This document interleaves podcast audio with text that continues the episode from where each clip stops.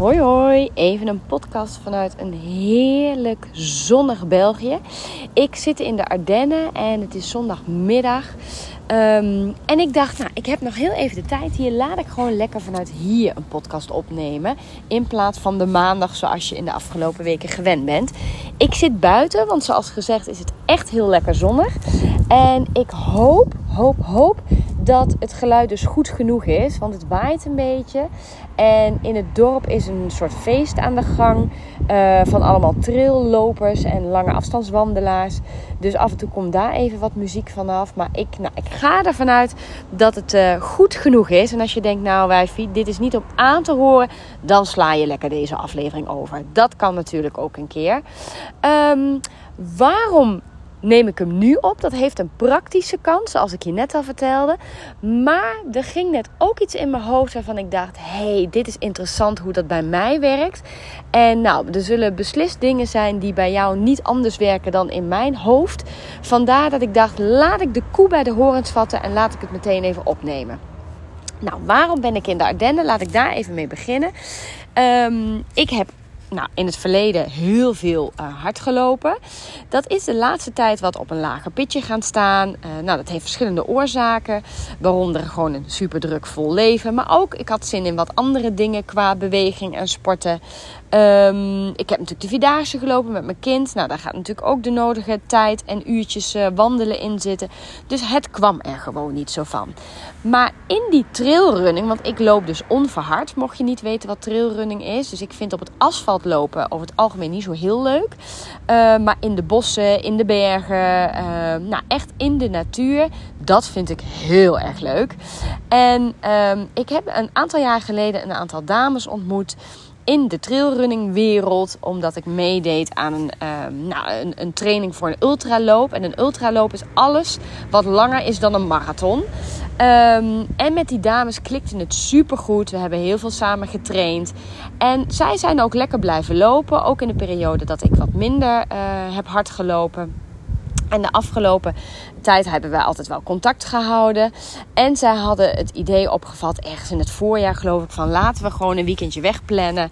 En laten we uh, lekker ergens dicht bij huis, niet te gek ver weg, maar wel in een mooie omgeving. En laten we daar een paar dagen gaan lopen, een wijntje drinken, goede gesprekken voeren. Nou, je kent het wel. Helemaal leuk, dus ik zou ook meegaan. Maar ik heb natuurlijk de afgelopen maanden echt fucking weinig, wou ik zeggen. Maar dat zeg ik dan maar gewoon. Fucking weinig hard gelopen. Dus ik maakte me een beetje zorgen. En dit is meteen ook de, de overstap naar het onderwerp van vandaag. Want um, ik heb serieus overwogen dat ik dacht: ik moet gewoon niet meegaan. Want ik kan niet mee met hun tempo, met hun afstanden. Zij lopen echt minimaal een halve marathon. Ja, dat heb ik gewoon niet in de benen zitten. En ik ben best fit en ik kan best wat op mijn benen staan. Maar dat heb ik niet in de benen staan. En dan wordt het gewoon niet leuk. Als je dan achteraan loopt te bungelen en je voelt dat het tempo net boven je eigen niveau is. Ja, dat is niet fijn. Dus uh, overwogen om niet mee te gaan. En toen dacht ik: nee, wacht even.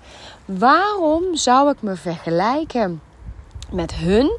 En kan ik niet een manier vinden om gewoon wel lekker mee te gaan, maar mijn eigen ding te doen? En dat is dus wat ik uiteindelijk gedaan heb. Dus we zijn donderdagochtend best vroeg vertrokken. En we waren op tijd hier. We hebben ons lekker geïnstalleerd in een prachtig huis. En niet prachtig qua dat het nou helemaal super deluxe is, want het is echt een beetje oude meuk. maar het is wel heel knus. Het is schoon. Het is heel ruim. Het ligt mooi. Er zit een heerlijk groot terras bij. Het enige wat wij steeds tegen elkaar zeggen is: er moet gewoon een grote container komen. En al die meuk die hier in huis staat, die moet eigenlijk gewoon eruit. Want er is gewoon heel veel rommeltjes, tielantijntjes, snuisterijtjes. Die werkelijk in ieder hoekje nou bijna opgestapeld staan. Ja, ik moet er wel om lachen, maar langer dan een lang weekend hoef ik hier echt niet te zijn. Maar het was, ja, het was qua prijs helemaal prima te doen. Dus ja, wij zijn helemaal blij hier. Um, en dan ben ik de draad van mijn verhaal kwijt, omdat ik eventjes het had over die spulletjes. Nou ja, goed. Oh ja, donderdag. We zijn hier aangekomen. En de bedoeling was om uh, die donderdagmiddag meteen een kort loopje te doen. 10 kilometer, misschien 11 kilometer. Onverhard. En ik vond het best een beetje spannend. Want ik dacht, ja, ik heb al zo lang niet gelopen. En dan in één keer 10 kilometer lopen. Ga ik dat wel redden? En ik heb, moet ik wel eerlijk zijn, de afgelopen drie weken in de sportschool uh, een paar keer op de loopband gestaan. Dat is natuurlijk heel anders, hè? Want dan de, de loopband doet natuurlijk ook heel veel voor je. Um, en op die loopband heb ik, nou, ik denk dat ik begonnen ben met vier keer vijf minuutjes in een rustig tempo. En de tweede keer heb ik, denk ik, drie keer zeven halve minuut of zo gedaan. Ik weet het niet meer precies. Maar de laatste keer dat ik gelopen heb, en totaal is dat drie keer geweest, heb ik één keer 15 minuten, twee keer 10 minuten. Dus nou, dat was niet echt heel veel. En zeker niet met hoogtemeters en zeker niet, uh, nou ja, off-road in het bos, uh, uh, klimmetje op, klimmetje af, zeg maar. Dus ik vond het een beetje spannend, maar ik dacht, weet je, ik ga mee en ik kan altijd mijn eigen tempo lopen. Ze kunnen altijd wachten op me. Ja, dan is dat zo. Zij vonden het heel leuk dat ik meeging. Dus ik had eigenlijk me voorgenomen, ik ga me niet vergelijken met hun. Ik ga mijn eigen ding doen. En we gaan wel zien waar het schip al dan niet strandt. Nou, het was een superleuk loopje. En die tien, nou, uiteindelijk hebben dikke 11 gelopen, geloof ik. Die gingen eigenlijk best oké. Ik heb best een paar momentjes een beetje afgezien. Omdat het net te hard ging. Of dat ik dacht, poeh, bergop kom ik echt wel tekort. Conditioneel ook tekort. Maar nou, het viel me niet heel erg tegen. Dus um, dat was eigenlijk een prima ervaring. En de dagen daarna gingen zij veel verder. Dat heb ik gewoon niet gedaan. En waar ik in het verleden, en dat is een beetje het punt van deze podcast wat ik wil maken, is waar ik in het verleden dan voortdurend bezig was met me vergelijken met hun. En misschien ook wel een beetje balen dat ik dacht, waarom heb ik nou niet doorgetraind? Dan was ik ook wat fitter geweest, had ik wel mee overgekund, had ik ook 23, 25, 30, 37 kilometer kunnen lopen. Um, en van de andere kant dacht ik: nee, Ann, jij hebt een keuze gemaakt om andere dingen te doen. Hou op, je kunt niet alles. Je kunt niet alles maar in het tempo doen waarop anderen dat doen. Zij zijn minder van het wandelen, maken daar weer andere keuzes in. En dat is oké. En nou ja, dat vergelijken met anderen kwam laatst ook terug in een gesprek met een vriendin. Toen dacht ik: waarom doen we dat nou? En ik denk dat een van de belangrijkste dingen is dat het echt wel menselijk is dat we ons vergelijken met anderen. Um, en dat dat niet altijd per se negatief hoeft te zijn. Um, omdat het ons ook helpt om te kijken naar onze eigen positie, onze eigen rol, onze eigen prestaties in de samenleving of, of in je gezin. En om dat vervolgens te begrijpen en ook te bepalen: is dit wat ik wil? En ik heb heel duidelijk de keuze gemaakt om minder hard te lopen en wat andere dingen te doen. Ik wilde ook alweer wat sterker, fysiek sterker worden. Dus daarom ben ik naar de sportschool gegaan.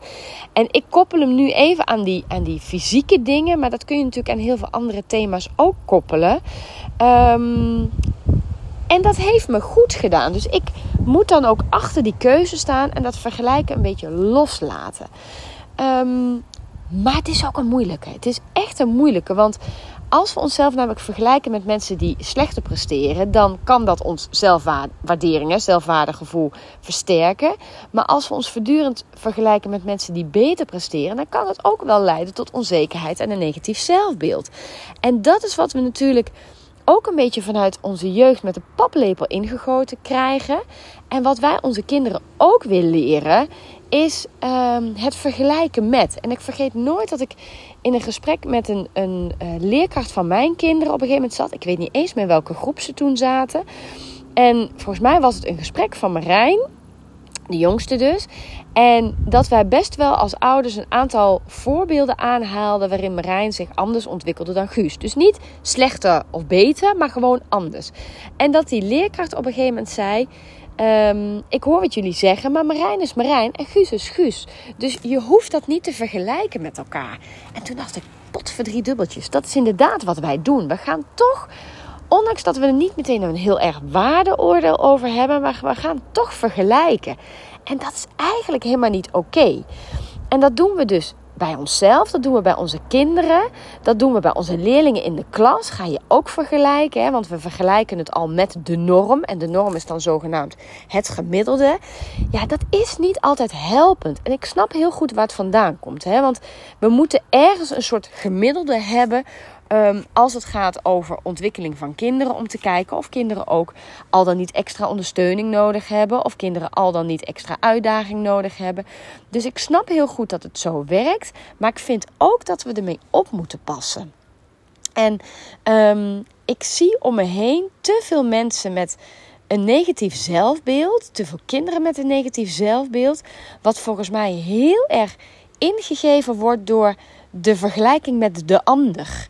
Um, en ik hoorde zelfs een verhaal uh, van iemand die mij wist te vertellen dat zij een. Ja, het doet me bijna pijn als ik het vertel, maar ik deel het toch. Dat, die hadden het over ons goede kind en ons minder goede kind. En dat minder goede kind had dan te maken met um, minder cognitief presteren. Dus ja, net iets minder slim, om het maar even heel erg plat te slaan.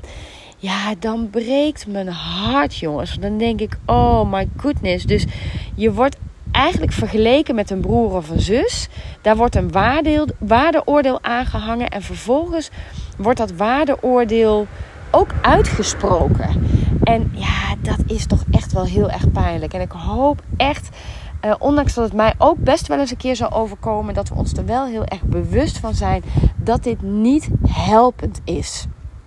Um, en dat we daar echt heel erg mee op moeten passen, omdat er daardoor ook een soort competitie natuurlijk kan ontstaan, uh, een soort concurrentie kan ontstaan, wat um, nou, groei kan stimuleren, maar wat ook echt een negatieve um, uitwerking kan hebben, zal ik maar zeggen.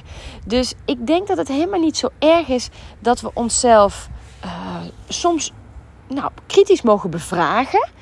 Um, maar dat vind ik iets anders. Hè? Het jezelf kritisch onder de loep nemen en stilstaan bij waarom doe ik de dingen zoals ik ze doe en welke verantwoordelijkheid heb ik hierin.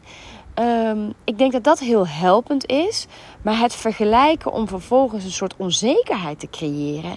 Ja, daar moeten we echt massaal mee stoppen. En ik ben heel benieuwd of jij dingen herkent. Of jij denkt, oh ja, ik vergelijk me ook vaak met anderen. En dat kan in hele kleine dingen zitten. Hè. Dat kan in uiterlijkheden zitten. In kleding die iemand draagt. In het figuur wat iemand heeft. In de baan die iemand heeft. In hoe iemand met zijn kinderen omgaat. In... Um, uh, professionele, uh, dingen, hè? dus in je werk. Dat kan op zoveel vlakken spelen. Dat kan zelfs bij je partner spelen. Dus ja, nou ja, ben daar eens kritisch op en kijk eens in hoeverre het jou belemmert. Of in hoeverre het jou ook stimuleert of motiveert om dingen anders te doen in het leven. En dan vind ik vergelijken helemaal niet uh, kwalijk. Ik, ik weet bijvoorbeeld, hè, er is iemand die, um, nou, die ik bewonder en waardeer om wie ze is.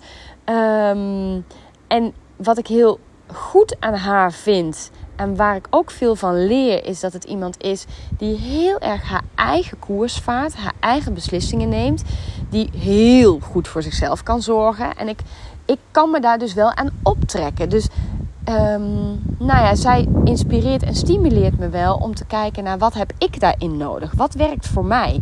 En zij doet echt wel dingen anders in het leven dan ik. En dat is ook helemaal niet erg, denk ik. Want um, ik hoef het niet te kopiëren, maar ik mag het wel als inspiratiebron uh, gebruiken om te kijken wat kan ik hiervan toepassen in mijn eigen leven? Hoe kan ik dingen anders doen in mijn eigen leven, waardoor mijn leven ook weer leuker wordt, makkelijker wordt, ontspannender wordt. Nou ja, noem maar op. Net wat jij te doen hebt voor jezelf. Hè? Dus een stukje, ja, laat ik het noemen, zelfverbetering. Um, dat is denk ik heel, heel erg oké. Um, op het moment dat het je identiteit gaat bepalen, hè, dus het vergelijken met de ander en je daardoor ook een beetje wegraakt van jezelf, dat is natuurlijk best wel een, een kwalijke. Um, en ik denk dat we ongemerkt dat ook op kinderen overbrengen. Hè? Of je nu als leerkracht luistert of als ouder. Um, je identiteit moet je ontlenen aan jezelf en niet aan hoe een ander de dingen doet. En nou ja, we, we zijn ook groepsmensen, groepsdieren. Dus dat is soms best wel lastig om in die kudde toch ook je eigen identiteit te behouden. En ik vind dat zelf, hè, ondanks dat ik uh, deze winter 45 word, vind ik dat soms echt wel een zoektocht. En hoewel anderen dan um, tegen mij zeggen dat ze het heel inspirerend vinden hoe ik mijn leven leid. En dat ze um, nou ja, ook wel uh, uh, gemotiveerd raken om veel naar buiten te gaan. Om goed voor jezelf te zorgen. Ja, dat vind ik super vlijend en dat vind ik heel fijn. Maar tegelijkertijd is het ook heel erg zoeken naar. Um, nou ja, wat is mijn identiteit dan? Wie, wie ben ik? Wie wil ik zijn? Um, en kan ik daarin verantwoordelijkheid nemen voor de keuzes die ik maak? Of ben ik toch steeds bezig met wat vindt die ander daarvan? Hoe doen anderen dat? En dat kan zo fucked up vermoeiend zijn. Ja, ik.